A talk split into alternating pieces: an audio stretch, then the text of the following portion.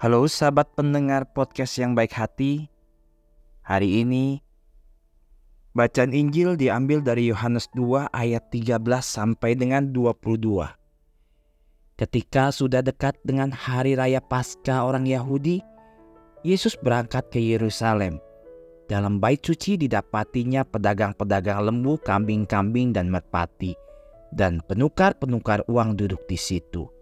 Maka Yesus membuat cambuk dari tali, lalu mengusir mereka semua dari bait suci dengan semua kambing, domba, dan lembu mereka.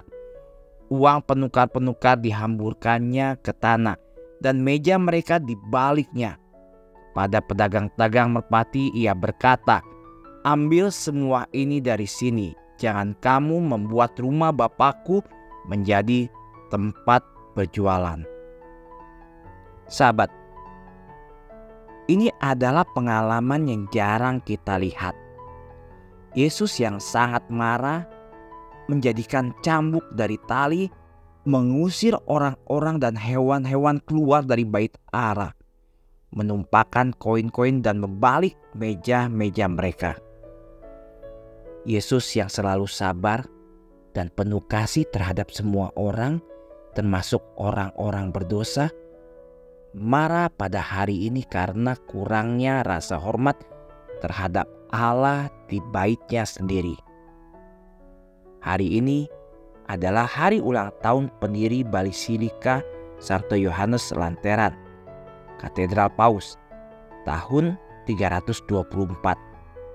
Dan ini adalah kesempatan baik bagi kita untuk merenungkan hal ini. Bayangkan jika kita pergi ke bioskop dan memakan popcorn dan minuman bersoda dengan kenyang, tetapi tidak menonton filmnya. Itu juga yang terjadi ketika orang-orang datang ke bait Allah tetapi tidak peduli pada Allah. Sampai hari ini beberapa orang bisa pergi ke gereja dan berbicara dengan setiap orang yang mereka temui kecuali dengan Allah sendiri. Beberapa orang lupa bahwa rumah Allah adalah rumah doa. Allah benar-benar hadir di gereja-gereja kita. Tetapi beberapa orang menganggap tabernakel seperti lukisan indah atau patung. Sekali Yesus meratap kepada Santa Faustina, betapa sakitnya bagiku bahwa jiwa-jiwa sangat jarang menyatukan diri denganku dalam sakramen Maha Kudus, katanya. Aku menanti jiwa-jiwa tetapi mereka acuh terhadapku. Aku mencintai mereka dengan penuh kasih dan tulus tetapi mereka meragukanku. Aku ingin melimpahkan anugerah-anugerahku kepada mereka. Tetapi mereka tidak mau menerimanya mereka memperlakukanku seperti benda mati.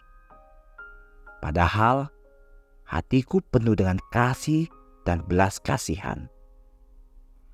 Agar kamu dapat mengetahui sebagaimana dari penderitaanku, bayangkanlah seorang ibu yang penuh kasih yang sangat mencintai anak-anaknya, tapi anak-anak itu menolak kasih sayangnya. Pikirkanlah sakitnya bagi sang ibu tak seorang pun dapat menghiburnya. Ini hanya gambaran samar dari cintaku. Maria, Bunda Sang Emas, semoga aku selalu dapat menenangkan putramu di dalam tabernakel. Saat misa kudus dengan kehadiran doaku. Bunda Maria harapan kita dan tata kebijaksanaan, doakanlah kami.